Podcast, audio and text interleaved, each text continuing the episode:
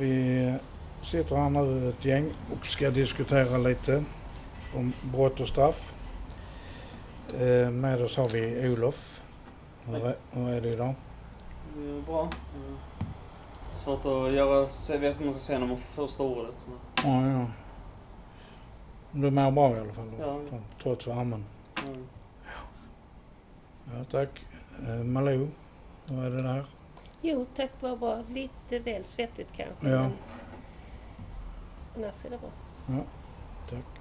Roger, Ja, hej. välkommen. Jag, eh, jag undrar hur det ska gå utan Per, med, medverkande eller styrande, styr upp det, men vi får väl se. Jo, det går jättebra för nu är det mycket bättre ordning. Jag vet inte. Om jag får säga min mening. Jag heter då Tony då. Per och Buster har semester så vi har ingen handledare med i gänget här. Och eh, jag ska då vara moderator här, är det tänkt. Och vi ska diskutera brott och straff. Lite med tanke på att eh, det här med hämnd. Eh, varför är människor så hämndlystna eh, alltid när det är någonting? Det kan man ställa sig den frågan. Någon som vill börja? Alltså jag, jag, jag ser det så här va. Ska man ha lagar så får de inte bygga på hämnd. Nej. De, de, de ska bygga på att upprätthålla ordning i landet. Och gör de inte det så har de ingen legitimitet. Nej. För det, det kvittar hur hårda lagarna eller, då- eller milda de är. Va? Mm. Men de måste bygga på att hålla ordning i landet. Inte på att hämnas på den och den eller så här för att de har gjort någonting speciellt eh, som man tycker är vedervärdigt. Men det ska ju, som jag tycker, så ska det vara hårda lagar. Men eh, jag är ju inte den bästa själv. Jag har väl gjort mina brott jag också. Men, USA har ju lagar som bygger lite på hämnd. Dödsstraff är ju en hämnd. Jo, det kan man se därför att i USA så eh, har de haft ett dåligt system. Va? Det har varit dömts oskyldiga till dödsstraff. Mm. Och även fängelsestraff. Och de har ju eh, DNA-bevisning de, de, nu idag där man kan ansöka om att få en DNA-test. För att se om det verkligen var den personen då. Den, som, man- som man, den brottsling som sitter kan få ansöka om det. Va? Och det är ganska så restriktivt med att, att ge tillstånd till det. Men om de får det så kan de eh, bli frikända. Och det har hänt flera gånger. Alltså. Ja. Det, det är inte helt ovanligt. Om det nu finns DNA-bevis från brottsplatsen. Ja. Det är inte Exakt, Det är inte ja. alltid det finns. Nej, det är inte alltid. Men det, det, det, speciellt vid sexualbrott eh, Mm. kanske det finns. eh, det. Ja. Olof? Ja, jag tycker väl också det att eh, det är väl inte riktigt rimligt att det ska bygga, att ha straffskal, att, att, att det ska bygga på hämnd mer än kanske rättviseaspekten. Att eh, det finns väl en viss rättvisa att den, den som man, man ska kunna lita på att den man har blivit uts som utsatt den för någonting, att de, att de får eh, mm, att, att de får lite grann vad de eh, förtjänar eller att, de får, eller att man i alla fall får viss upprättelse för vad man har gjort. Eh, Däremot kan man alltid diskutera hur, hur det ska se ut. Alltså all, all form av omhändertagande liksom på något är, ju, är ju ett straff på något sätt. Så jag tycker det avgör, det avgör väl brottets eh, grad av allvar och hur, och hur, eh, hur forskningen ser på olika sätt hur man ska hur man ska behandla det. Men jag tror nog alla, alla brott, någon form av straff behövs nog alltid för alla brott. För att, för att man ska kunna ha förtroende för systemet och känna att det är upprätthållet. Jag, jag tänker att eh, rättvisa och hämnd är ju egentligen inte samma sak. Nej.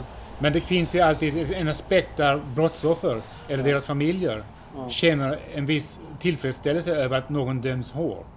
Mm. Eller, eller en, till och med en, en brist på tillför, för, till, eh, vad heter det, på tillfredsställelse om de döms mildrigt, mild, milt eller om de blir Ja. frikända. Jo precis, det, var, det är alltid, det är alltid nackdelen men när man ska låta folk som inte är juridiskt kunniga och inte kan avväga intressen sådär när de, när de, när de ska döma om det är anhöriga. Visst, det är väl en del av det att man lyssnar på dels vad de anhöriga vill säga men det är problem med när de har så stort inflytande över domarna som de ibland har i USA har jag förstått. Att det, de kan att de, de kan hjälpa till att utföra domen.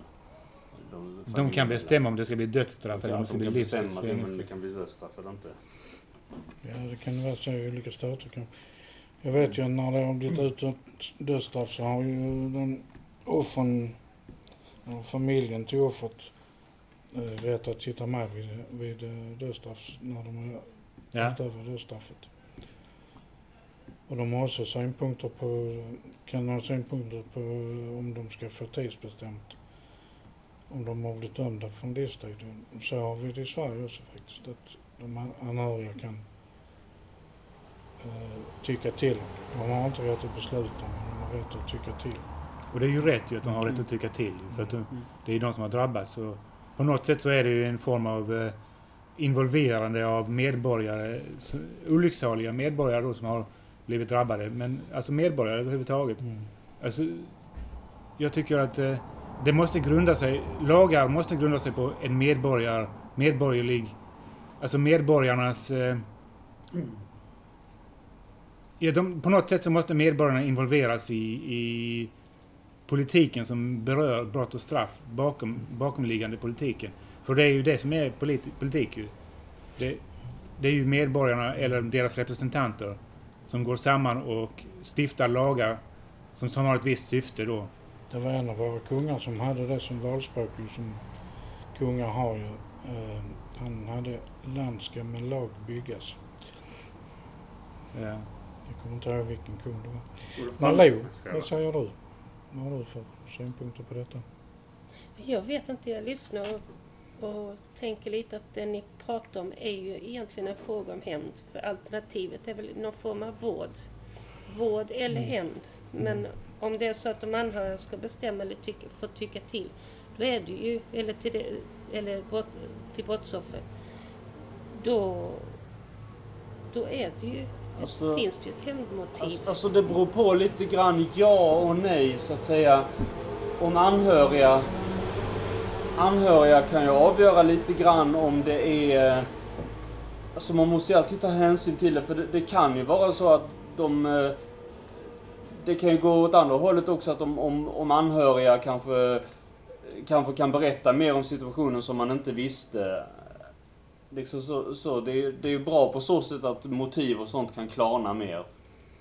På så Ja, sätt det att, gör de ju i rättegången då ja. ja. Mm.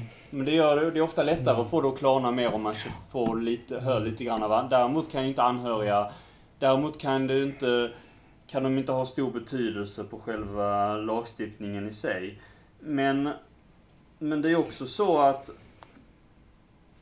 alltså, vård, man menar man med vård, alltså även, även om man vårdas på något sätt så är det ju en, så är det ju ett straff på något sätt. För man, är ju inte, man, har ju inte, man har ju inte full frihet ens när man är vårdad. Så det är inte så att det är antingen straff eller vård. Det finns ju något som heter kriminalvård och det är väl kanske mindre strafforienterat än annan men det är fortfarande någon form av straff. Vi kallar ju inte det fängelsestraff här, vi kallar det för kriminalvård. Ja, jo, precis. Och det är ju inte riktigt vård. Det är, det är inte så att åh vad, vad sött du är att du har begått lite, nu ska vi klappa dig på handen. Utan det är ju, det är ju ganska skuldbeläggande och ganska liksom... Det, det är nog mer eh, be- förvaring än vård. Ja, precis. det är mer förvaring och det, är ett, det ser jag som ett straff i sig. Liksom. Men vård är också, det är ju inte tidsbegränsat. Det kan man ju vara- man kan bli vårdad resten av livet så att säga. Ja. Instängd i stort sett. Ja. Som, som den här, vad heter han den här, eh, eh, Thomas Quick. Ja. Ja. Han sitter väl fortfarande tror jag. Eh, Blir han inte frikänd? Blir han det? Tror det ja. Han Jag inte. frikänd. Men han kunde ha suttit hela livet. Alltså, Ja, det- visst. Det finns ju sådana fall där de har suttit princip hela livet. Och det är därför de till exempel med Breivik ville att han skulle bedömas till vård. För de har något liknande system i Norge. Ja, För att eh, de vill inte få ut honom igen. det är förståeligt i och för sig. Men eh, jag tänker också på sånt med hämnd som om någon hade gett sig på, till exempel dödat någon av mina barn. Då hade jag helt klart haft hämndkänslor, eh, det kan jag erkänna. Och jag hade nog, eh, om jag fått chansen att döda den människan så hade jag nog gjort det också. Och jag förstår Och, det. och tagit straffet. Men det är ju hämnd. Igen, alltså det är ju inga... Så... eh, Och precis där, därför är det ju viktigt att skilja mellan, alltså att vi, man har system, man har rättssystem som skyddar, som skyddar oss från oss själva så att säga. Ja. Är det inga sunda tankar? ju. Nej precis, och det, det är ju... Där kan man ju välja, där kan man ju tycka att statsmakten ska ha, ska göra så neutral som möjligt så att det inte är att, att våra hämndegör ska behöva ta över. Även om det är mänskligt att ha de hämndegören. Men det är också bra om de, om de praktiseras mot någon som är någorlunda... Men någon som inte är Jag så är pass... övertygad om att jag Mm. hade fått ett mycket lindrigare straff än en annan mördare. Mm. Så samhället, Ja, så det var lite det, jag funderade lite de Mm. banorna också. Ja. Vi snackade om det i måndags. Ja. Lite det här med om det då är mord eller dråp. Då Ja. kanske betraktas som dråp och inte Mm. mord då till exempel. ja. Och då finns det ju förmildrande omständigheter. ja. Att Ja. Men Det, samhället... det är ju, på ett sätt är det ju fel. Jag är mördare precis som alla andra ju, i det läget ju. Jag kan ju säga att jag har ju åtminstone... Eh, jag har kanske börjat tänka om lite grann, men jag har ju varit för dödsstraff. Och det kan man ju tycka är, drastiskt. Men jag har ju inte sagt att... Jag har ju inte drivit igenom det. Jag har inte försökt driva igenom. Jag har bara sagt... Jag skulle kunna eh, eh, sparka omkull en stol från en, en grov brottsling Mm. eh, och låta han hänga. Det, det, det, alltså, då hade det varit varit på mig, det hade fallit på mina axlar. Ingen annan behöver, behöver Mm. bry sig om det. Men nu för tiden så har jag blivit mycket mer... Alltså, jag, jag har blivit bättre på att hantera mig själv, om Mm. man säger så. Det vill säga att jag har, jag har lättare för att eh, se, se att jag måste börja med mig själv och ändra på mig själv i, istället för att mm, vara, vara destruktiv. Mm. Visdomen kommer med åldern. Ja, det, tack så mycket. Eh, vi välkomnar Peter som vi saknade i början här. Tack. Ja, Hur är det med dig? Jo det är bra. Jag skulle sätta upp en rullgardin. Jag tänkte det tar 10 minuter för det tog 10 minuter för var och en av dem Mm. när jag satt här. Men det tog typ 25-30 minuter istället. Mm. Det gick inte smidigt kan man Nej. säga. Men eh, det är så ibland. Ja, Vi pratar om eh, brott och straff. Ja. Vi har eh, pratat lite om dödsstraff till exempel nu. ja, Jag själv är den åsikten att jag tycker att dödsstraff hör inte hemma i ett civiliserat samhälle. Men som sagt, när det gäller någon barn, brott mot barn, där är jag lite mer tveksam. Och särskilt mina egna barn, där är jag övertygad. Men då är det ju skillnad, det är ju skillnad med vad du tycker, vad du tycker pri- privat, alltså Mm. att du skulle vilja göra och vad du tycker och vad du tycker att det är för straff. Som ska, Mm. det, det är viktigt, det- ska man ju separera. Så du, är inte nödvändigt, du ser inte nödvändigtvis emot dig själv då eftersom, eftersom du säger bara att du, du tycker inte det ska vara straff för det men du, men du tycker, men du utesluter inte att du kan känna mordkänslor. Nej, nej. Nej, alltså, och jag har ju inte rätt att döma någon till döden ju, nej. egentligen ju. Ja. Så, men det är ju mina primitiva Ja. känslor som kommer in där. De spökar jämt och ständigt. ja. Nej, jag, jag tycker nog inte heller att det ska finnas dödsstraff i ett civiliserat samhälle om man säger. Uh, oj, det, den ser väldigt god ut den uh, drickan där. Mm. Ja, man skulle behöva en hel, hela, hela det över sig. Ja, Eh, Eh, ja, hur som helst. Men sen alltså låsa in folk på obestämd tid, det, det, det tycker jag också är överdrivet. Alltså varför då... Då kanske det är bättre att, att ge- dem terapi och sånt där, lägga, lägga tid och pengar på det. Eh, sen det kanske, man kanske inte kan släppa ut en person som man vet kommer att begå straff liksom inom en månad, begå, begå brott inom en månad efter att nå- allvarliga, riktigt allvarliga brott, mord och sånt. Kan alla botas? Eh, nej, jag tror inte alla kan botas. Eh, men... Vad är alternativet då till att lösa in dem Ja, för evigt? Ah. Ja, du, du, vad du säger är, jag vill inte sitta som domare och döma någon till livstids fängelse. Det är ungefär vad du säger. ja, lite så är det. Ja, ja. Men, Jag har inga problem med det. men, men det är klart, alltså... Jag vill ju inte att det ska gå runt, springa runt mördare och sånt ute på stan. Och man ska vara rädd för... Det är man ju redan ibland, alltså med gäng och sånt. Och Mm. jag blev utsatt för någonting på mitt, mitt, bo, mitt eh, boende, eller mitt bostadsområde. Det var ingen... Det var mest hot. Men eh, det fick ju ändå börja titta sig omkring om den här axeln när man var ute liksom. Tänkte att om de dyker upp igen så kanske det blir något värre av det. Hallå? Jag bara funderade på lite varför vi, vi har straff. Men många gånger så är det ju för att det ska avskräcka folk från att begå brott. Men det är ju också som det här med att hålla dem borta från samhället kanske. Att det går inte att låta alla de här springa ute kanske. Nej, Det, det är- finns nog de som är farliga för omgivningen eller som skadar omgivningen så mycket. Så att mycket är det väl frågan om det också, få bort dem. Det är lite Ja. dubbelt där med att Det är lite... skydda dem från övriga folk. Alltså samhället ska skyddas.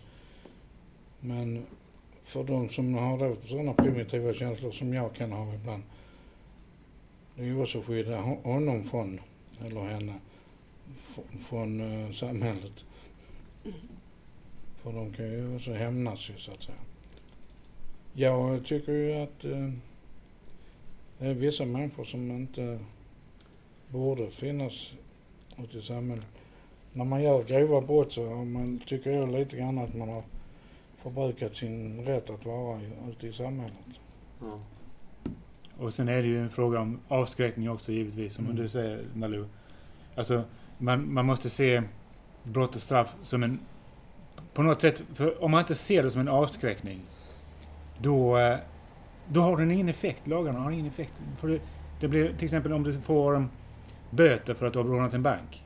Hur många bankrånare skulle sluta råna banker då? Mm. Det, det, det funkar ju inte. Nej. Så man måste ha en viss avskräckande... Ja. Och det kanske vi inte har i Sverige, men vi kanske, det kanske är lite åt andra hållet i USA då. Det beror på, på vilket, vilken, vilka sa- saker det gäller. När det gäller det här som vi pratade om innan, att man anlitar de som är, i- de, de som är ungdomar mellan 15 och 17 för att, för att, de, för att de har större chans att få straffrabatt. Så, så är det ju, att, då är det ju en, ett kryphål i lagen som man, som man utnyttjar, så att säga. Och, och det har ju inte riktigt med huruvida straff i sig Liksom, utan det har snarare avsaknad av straff i det sammanhanget. Att det är, Ja. De har hittat ett system som de... Ja, så De klarar sig själva, ja. Ja. Och det Men har ett något avskräckande? Alltså man tänker att om det skulle varit avskräckande med de straffen vi har så borde ju straffen, eller brottsligheten tunnas ut. Nu gör den ju inte särskilt mycket. Nej men det är väl, det handlar väl ofta, det, vi- det handlar väl om lite grann kryphål i lagstiftningen som man hittar. Som, där, där man kan, där man kan se, där, där det finns möjlighet, Nej, fortfarande men om man bortser från det va. Ja. Alltså, och man säger vuxna människor som utför ju ungefär lika mycket mord som förut. Mordstatistiken har Ja. inte gått ner jättemycket. Den Nej. har gått ner men inte jättemycket. Men vi har väl aldrig levt ett, i ett samhälle utan straffpåföljder. Nej, Nej. har vi inte. Så frågan är vad skulle hända? Det är lite intressant Ja, ja, tanke. precis. Om Man vet att man kan aldrig, man kan aldrig jämföra med ett med, man, man kan aldrig jämf- jämföra med en idé, alltså man måste alltid förhålla sig till verkligheten. Om, det- om, man kan aldrig jämföra sig med en verklighet som aldrig har existerat. Liksom. Det, är, det är lite svårt ofta. Det, är ju, det blir det blir i alla fall väldigt teoretiskt. Och Ja. man får, man får använda sin hjärna kognitivt för att föreställa sig hur skulle samhället se ut om vi inte hade några straff. Mm. Det kan man göra, men jag kommer ju fram till den slutsatsen att det skulle inte se ut alls. Det skulle inte fun- fungera överhuvudtaget. Det finns de som menar, jag har ju pratat med en, en del anarkister som menar att eh, de- menar att det, det ska finnas straff men det ska inte vara staten som tilldelar det utan det ska vara, de- det ska vara geme, gemenskaperna i samhället. Och det, det är synonymt då i praktiken med en lynchmobb. Liksom, så att säga. Nästan alla länders lagar utgår ju från tio Guds bud Ja. faktiskt. Kristendomen har en väldigt stor... Ja, eh, det är väl romersk rätt, vår rätt. Vårt rättssystem bygger Mm. på. Inte, Jo, men romerska, romarna blev ju kristna sen i slutet av Ja, romartiden. det, Men Så det bygger på, det Mm. bygger på romersk, eh, säkert från grekiska före det och, och sen romersk och sen så vidare då till kristna Rom och Ja. Konstantinopel, Istanbul där. Och, och, tror du inte det? nej. Vad tror du då? Fast det är svårt att säga vad som är för filosofen Immanuel Kant hade ju också rättssystem lite grann, eller han, vad han förespråkade när det gäller kategoriska imperativ. Du ska alltid handla mot människor som kan upprätthållas till en allmän lag. Det är ju lite grann samma det är liksom grann samma tema, men där var det ju ändå ganska lite religion överhuvudtaget. Utan det var ju ändå ett steg mot liberalismen, det han predikade på många sätt. När, när det gällde hur man skulle behandla människor som, inte som ett medel, utan som ett mål i sig. Så det är svårt, så det är svårt, man kan ju samtidigt säga att att eh, säkert har mycket influerats från, från hans tankar också. Liksom. Så det är inte så säkert att allting kommer från kristendomen. Det kan ju alla, alla liksom, tankar. Det, det beror ju på vad man menar med kristendomen. Ska man se Ja. kristendomen som Jesus Kristus på den tiden han levde och det de lärde då? Mm. Eller ska man se den kristna tiden vi hade här i Europa under medeltiden och framåt? Mm. Det, är ju det, som är, det skiljer ju sig åt väsentligt om, om man ska Jo, se på brott och straff och så. Liksom. Jo. Men vi tänker, vi tänker väl kanske att det, går- det gått... Men det går att hitta filosofiska inriktningar också, eller s- som, som kan motivera straff utifrån andra grunder än religiösa. Det är det jag menar. eh, Religiösa vill jag inte kalla det. Jag, jag ser det mer som en konsekvens av den, de, att kungarna och makten hade en kristen agenda. Eller de, de hade alltså, en- inte kristen i, i sig, men, men en agenda där det var makt och kristendom blandades ihop. Och där brott och straff var en, ett, eh, Mm. så att säga, inblandat i det hela, liksom, för, i deras maktambitioner och deras, deras rätt att bestämma över andra människor som, som ofrälse och så. Man kanske kan säga tvärtom då, att eh, tio Guds bud bygger på landets lagar. Tio Guds bud var ju också under en tid när det var eh, medeltida förhållanden. Eh, Ja, det var ju före det, det var ju före Kristus. Ja, det var ju det. Alltså all, all religion är ju på något sätt, när den bildas, är ju en produkt av samhället. Men det, och, det är på något sätt, och det är den inte ensam om. Det är även, även ideologier kan ha, framförallt i deras barndom så är de ju ofta präglade av, alltså, av, av vad, det, vad som är norm i det samhället och vilka, och vilka, privilegier man generellt har liksom, när man kommer på nya idéer, alltså vad man utgår ifrån och så. Så Mm. allting, det kommer uppstå inte, inga idéer uppstår ju från tomma intet utan det, allting är ju form, på något sätt format av tiden. Jag Så. tänker till exempel på den, eh, du ska inte ha begär till din nästas hustru. På den tiden var det ju olagligt. Då fick man ju straff för om man var otrogen så att säga. Ja, Det vet, får det, man inte idag ju. det fanns ganska roliga, det fanns ganska löjliga straff för det att man kunde, när man inte, det var- fanns sådana brott under medeltiden, sådana jättefåniga som att du ska in, att om man låter sin hustru hunsa en om man är en toffel och så, så får man som straff att man ska åka, åka på baksidan av en åsna och ridas runt över hela kvarteret och alla ska skratta åt den. Det var ju roligt. eh. Ja. Fast lite taskigt också. Jo, det är klart. Men det, det var den typen av... eh, Men det var den typen av straff de ville skämma ut folk för att de hade... Skampålen och så här hade de ju. Man skulle stå så med händerna i en, och, nacken i en träställning. Ja. Så, här, och, och skulle kunde folk spotta på en. Ja, det också. och så liksom. Ja. Det var, det, var ju, det var ju ett vanligt straff. Jo, precis. För det är så som höjden av ynklighet att låta, att, att låta fruntimmer köra över en. Nu är det kanske inte så politiskt korrekt här, men det jag. Eh, nej, nej, men att man, man skulle inte låta sig hu- hunsas av sina fruntimmer då liksom. För då, då jävlar, då förtjänar man ju eh, att bli förlöjligad. Vad tycker du om det Malou? Jag tycker inte det låter så sympatiskt. Nej. Men om man går ännu längre tillbaka, så på vikingatiden så hade ju kvinnan en mycket starkare roll Mm. än vad de har idag till exempel. Till och med. De är vä- väldigt starka. De, det var till ju tvunget. och kriga. Ja men det var ju tvunget också för de flesta kvinnor var ju trots allt hemma Mm. vid gården och så. Och det var ju de, det kanske var en eller två vikingar som stannade hemma och vaktade trälarna då. Och kvinnorna skötte ju allting. De organiserade och de, de tog in skörden och allt vad, allt vad de gjorde. Alltså, de skötte allting, det praktiska arbetet. Och då hade de ju eh, väldigt, väldigt då, jag menar, då, då hade de ju mycket att säga till om. Ja, men var det så? För jag har hört en del på senare tid om att stenar som har rest och så vidare, man, man har upptäckt att det har varit över kvinnor. Det är kvinnor som har varit ute Jo, visst är det också. så. Så. det har inte varit så uppdelat som Nej. vi har trott. Nej, det, det är sant. Men jag tror det är lite, li- kanske lite grann som idag då. I Försvarsmakten finns det ju en, ändå 15% kvinnor eller något sånt där.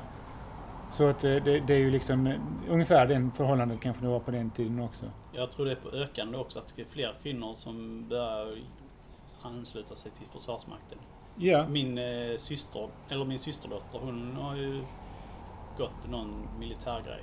det har han ja. Ja, hon, hon gör det just nu faktiskt. Så vad är det hon ska bli? De är soldat eller? Eh, Logistikarbetare, vad ska man bli? jag vet inte. Eh, Men det är något inom militär, militären. Men det är inget straff. Jag tänkte också det även om kvinnan inte följde med ut, om det var så en hövdingskvinna, då eh, hade hon ju makten att döma ut eh, straff för befolkningen där i gänget. Dödsstraff också. Hon skötte ju allt det som mannen annars gjorde när han var hemma. Är, är, kvinnor, är det skillnad på kvinnor och män när det gäller hämndbegär och sånt? Det kan, kanske det är... Men jag Jag tänker... tror, inte, jag tror inte det, för jag, jag tror att det är ganska... Jag tror att det sitter ganska många... Alltså hur det ser ut i genomsnitt vet jag inte, men jag tror generellt så finns det... Har jag, har jag stött på ganska många kvinnor som, som är ganska mycket för så här hämnd. Kanske, kanske ännu mer eftersom de är ofta är de som fostrar barn mest och ofta är mer känslomässigt engagerade i det. Så jag vet inte, det är nog...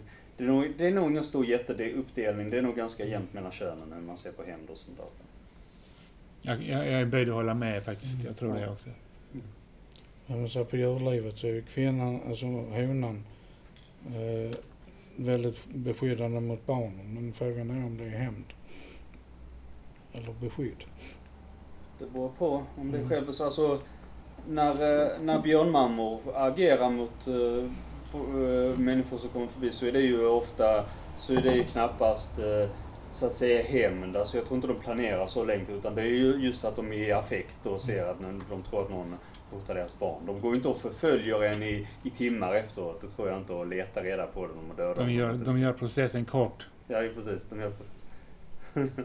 Eh, Nej men då, därför, är det svårt att, därför är det svårt att avgöra om de skulle ha det som hembegär kan- eftersom de, de tar ju dem direkt. Så det är är det det svårt som att- kallas björntjänster. Ja.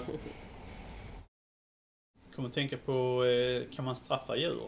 Om de eh, gör något brott så att säga. Man gjorde det förr i tiden. Det, det är ju så, säkert så att många gör det ju, men de har, ju- djuren har inget sånt eh, minne som de kommer ihåg att jag har gjort någonting dumt. De kommer bara ihåg att husdjuren att det är dum för tillfället. Ja, Men förr i tiden, för, för riktigt länge sedan, då hade de dödsstraff för djur. hade de det? Ja, det, till exempel eh, om... eh, Jag, jag kommer inte ihåg vad det var för brott de hade begått, men de kunde till exempel hänga grisar och sådana saker. Oj då. Men jag, jag tänkte på det, det fanns... Det finns ju filmer också, äh, såna här som, som bygger på...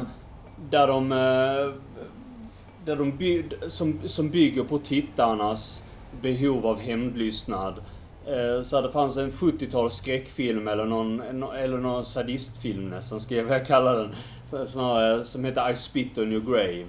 Som handlar om det var en kvinna som blev eh, våldtagen och råkade ut för ganska många besvär. Och eh, jag, jag såg inte hela den filmen, så, men, men jag såg ju på slutet där långa scenen, en halvtimme minst, där hon, där hon höll på att tortera en, en av hennes eh, e, e, e, en av gärningsmännen och, eh, och, och sti, könsstympar honom och bla bla bla. Och så fanns det någon annan film för några år sedan där det var en, en, en ung tjej som hade, någon kille hade träffat på nätet och han, hela filmen gick ut, hela filmen gick ut på att hon, hon höll på att göra en massa hämndaktioner mot honom och kastrera honom och bla bla bla och, och sådana saker. Mm. Men det är ju inte verklighet. Nej, men det är liksom, jag träffar folk som, oh ja men eh, jag, tycker det, jag tycker det är bra, det, det, det känner jag också. Det är liksom så hämnd. Och visst, man kan säkert få ut lite häm- hämndkänsla av att titta på det, men det blir lite, lite overkill känns det så Men- som när de är lika, när de, eh, när de är minst lika, när deras straff är minst lika hårt som det de utsätter. Diskussionsfrågan här kan ju då vara att känner vi någon slags eh, välbehag eller lustkänslor eller hämndkänslor när man ser att brottslingen åker fast och får dödsstraff eller vad de nu får på en film. Jag såg på Dr. Phil och där var det väldigt tydligt så att tjejen som var kanske i 20-årsåldern, när hon var typ 16 år eller 17 år så hade hon blivit våldtagen av, av en freshman Mm. eh, fraternity eh, kille då. Mm. Eh, och det tog 18 månader innan, eh, innan han blev, fick fängelse. Han fick fängelse i sex år. Mm. Och hon var så lättad och glad över att, för att det hängde över henne hela tiden att han gick på fri fot. Mm. När han hade, han hade, han hade gjort en väldigt grov våldtäkt på henne. Ja. Eh, och då, alltså, då när hon intervjuades, Dr. Phil, hon sken upp som en sol när Mm. de började prata om att han satt i fängelse och så. Det var ju så tydligt alltså att hon nästan levde för att han skulle få sitt straff alltså. Mm. Och när han fick det så, så var det ungefär som då hade hans gärning blivit ogjord näst, näst, nästan på något sätt alltså. Men var det inte två olika grejer där då? Det var kanske dels hämnd men också glädjen och lättnaden över att han var borta, att han utgjorde ett hot. Så länge han inte hade blivit, Ja. ja. fått något straff. Det kan vara så ja. Mm. Jo, det stämmer nog in bra. Ett stort problem i samhället nu är ju det här brottet mot kvinnor när mannen inte vill acceptera skil- skilsmässa till exempel och sånt. Mm. Då känner ju den kvinnan hot så länge han är ute. Mm. Och de kan inte låsa in honom förrän han har gjort något eh, verkligt brott. Och Mm. det, oftast är det brottet att han dödar kvinnan. Ja, och då är det för sent. Och då är det för Ja. sent. Så det är ju ett problem vi har med brott och straff där med, i vårt samhälle med hoten. Är inte tillräckligt mycket straff för hoten som det, som det borde vara kanske. Och sen även eh, när det gäller våldtäkter och sånt. När till exempel eh, kvinnan har varit påverkad av alkohol eller, eller sådana grejer. Då, då är det ofta att åtalet inte ger någon effekt. Alltså han blir inte straffad. Och, Och det är just det där när ord står mot ord. Ja, det blir lite ord mot ord. Ja. Men eh, alltså det är ju... Visst, alltså kvinn, va, kvinnan kanske inte... Det- är lätt att utnyttja också som eh, eh, så, eh, att ja, kvinnan var ändå, när det ändå alkohol. Men det kan ju också vara, å andra sidan vet man inte, det kan vara, båda vara fulla och det vet man ju inte. Men det som sagt, det är lätt att utnyttja. Liksom, det, det är så bara, ja, ja, hon var ändå med på det för hon sa det då, hon hade alkohol i sig. Eller. Hon hade inte förmågan att säga nej på ett ordentligt sätt kanske. Mm. Eh, och då kanske de, rätten, det kanske blev bättre med den här samtyckslagen. Ja. Eh, men det, jag tror fortfarande det är ett problem. Samtidigt så kan, man, kan det också vara så att det blir omvända, att en man får straff som han inte är skyldig till Mm. av någon anledning. Eh, så det är ju en svår, svår fråga, men jag tycker, jag tycker synd om de kvinnorna som ska utsättas för sådana här grejer bara för att en, en förövare inte blir fälld. Liksom. Men någonting som jag tycker är konstigt det är när, när, det, var, när, när det var en... Eh, jag, jag vet, när det var en... Eh, jag, jag vet inte om han var... Det var någon sån relation, någon 16-åring som hade en relation med en 14-åring och så han blev... Och han, och han, eh, och han blev eh, anmäld för våldtäkt på det för att hennes föräldrar blandade sig in. Och, och, inte, och det tycker jag är, det, det är lite väl över gränsen för att de hade en de hade, eller för sexuellt övergrepp mot minderårig, blev han an, trots att de hade en relation och hade sex som vanligt. Liksom, så, så det är lite konstigt med en lagstiftning som inte gör, om det är så att den inte Alltså i de flesta fall så brukar de flesta se igenom det, men i det här fallet så var det föräldrarna passade på att anmäla det. Men det är lite konstigt kan jag tycka att det inte görs någon skillnad om det är en 16-åring som gör, har ihop det med en 14-åring eller om det är en 40-åring som Men har det mot en blev 12-åring. domen då? Blev det någon dom på det? Det blev väl någon, någon form av det, att han blev dömdes för, eh, för sex med minderårig. Vad är det straffet? Det Det vet jag inte. Men för jag tror de såg förmildrande på det. Ja, det borde de Ja, det borde de göra. Ja. Alltså också även om de har en relation. Mm. Alltså, men det är klart, alltså, om, om, även om killen är 16 år och han blir våldsam mot tjejen så är inte det så bra heller. Nej, nej, det är Inte, ju... inte när det är våldsamt, men då är det en Våld, annan sak. våld, är ju aldrig okej. Ja, det är okej. Men då är vi inne på det här också att det är lägre straff för de som är lite yngre. Så frågan är ju om han var 16 Ja. så borde han väl ha kommit lindrigare undan eller? Ja, jag tycker att sånt, sånt måste man se i relationen. Alltså det, det är viss skillnad att om en 40-åring skjuter en eh, skjuter valfri person så är ju inte det någon skillnad, moralisk skillnad om det är en 16-åring som gör det.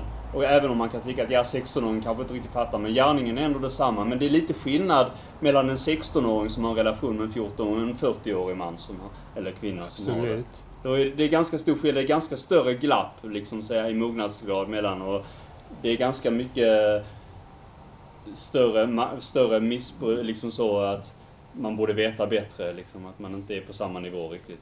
Men nå- någonstans borde det gå en gräns där, där ett barn inte kan anses vara lika skyldig. Till exempel så var det någon 3-4-åring som hade skjutit sin förälder i USA. Oj, ja. Och det var ju för att det låg ett vapen framme som barnet lekte med. Det pang gick av ett skott. Jag tror till och med, jag undrar om du inte sköt faktiskt båda föräldrarna. Den ena i benet och den andra är typ mer allvarligt.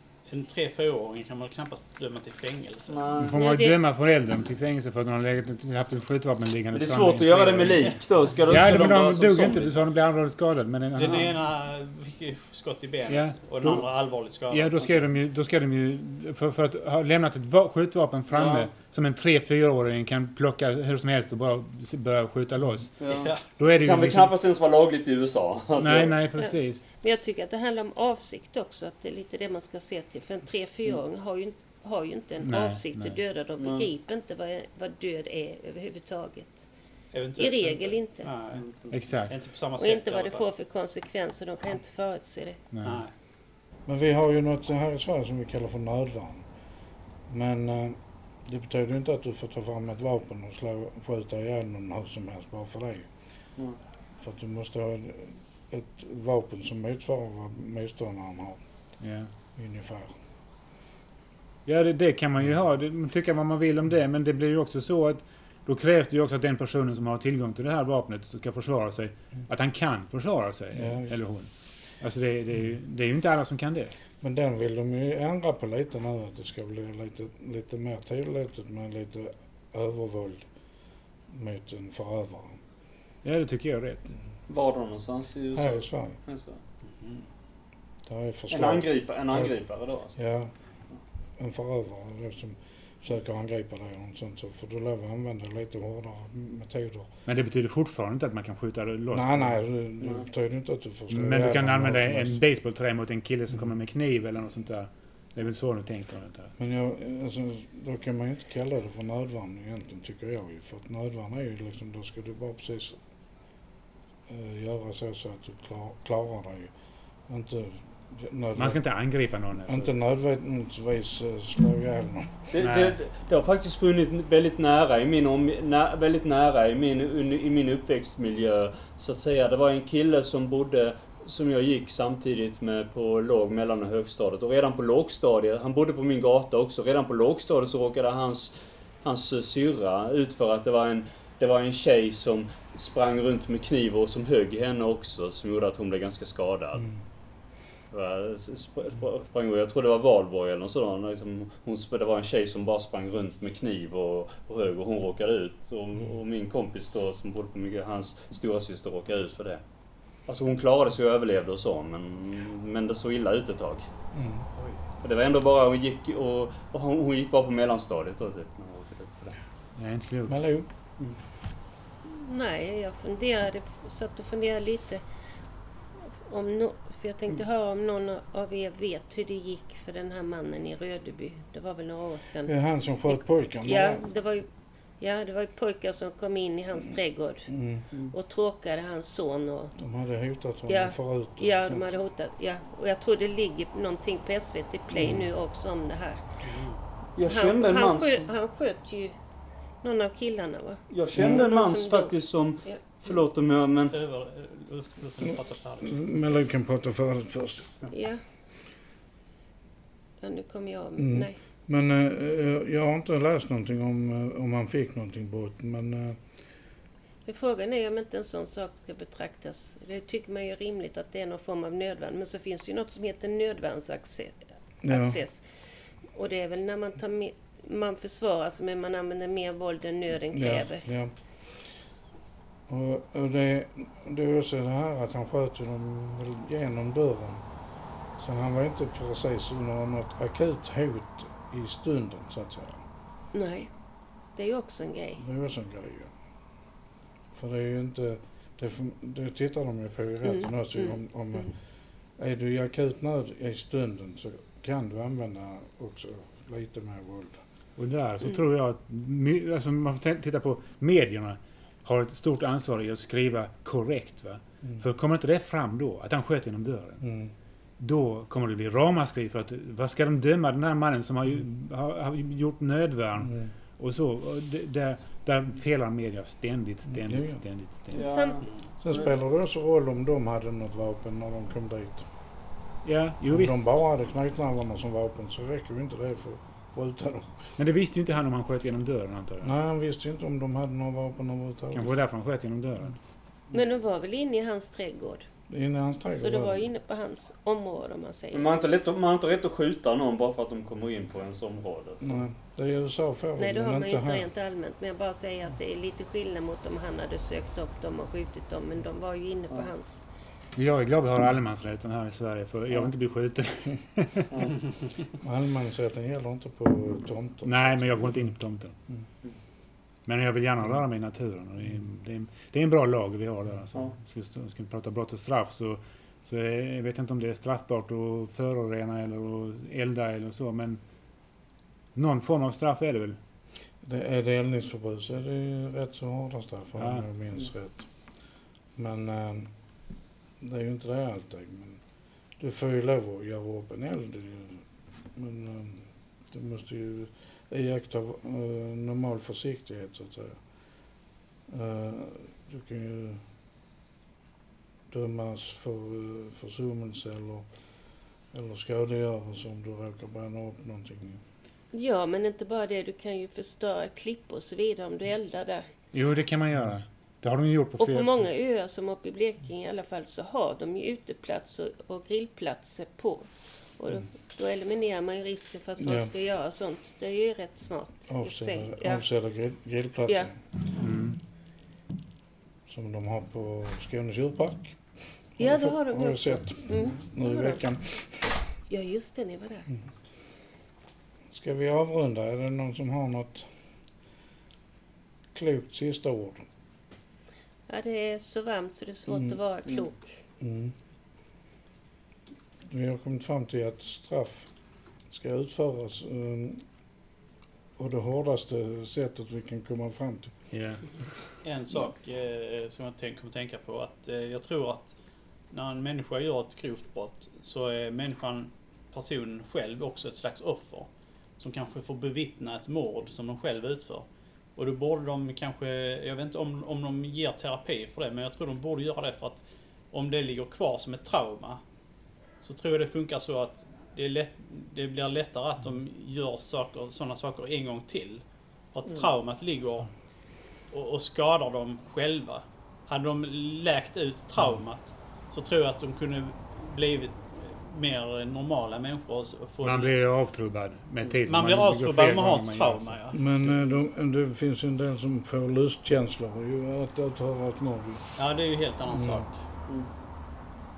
Då, men ska man utöva vård eller Ja, det kanske, det, kanske, det kanske krävs någon slags vård där också. Någon slags terapi. Varför blir det lust, lustkänslor? Alltså, det kan ju Mm. ligga någonting i under, under det också. Det kan ju vara en uppväxt eller Ja. någonting som gör det. Ja.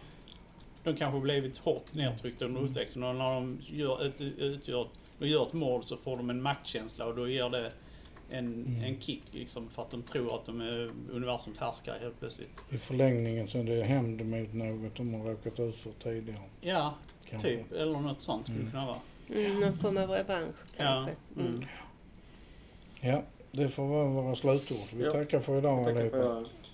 Mm. Tack så mycket. Tack, hej.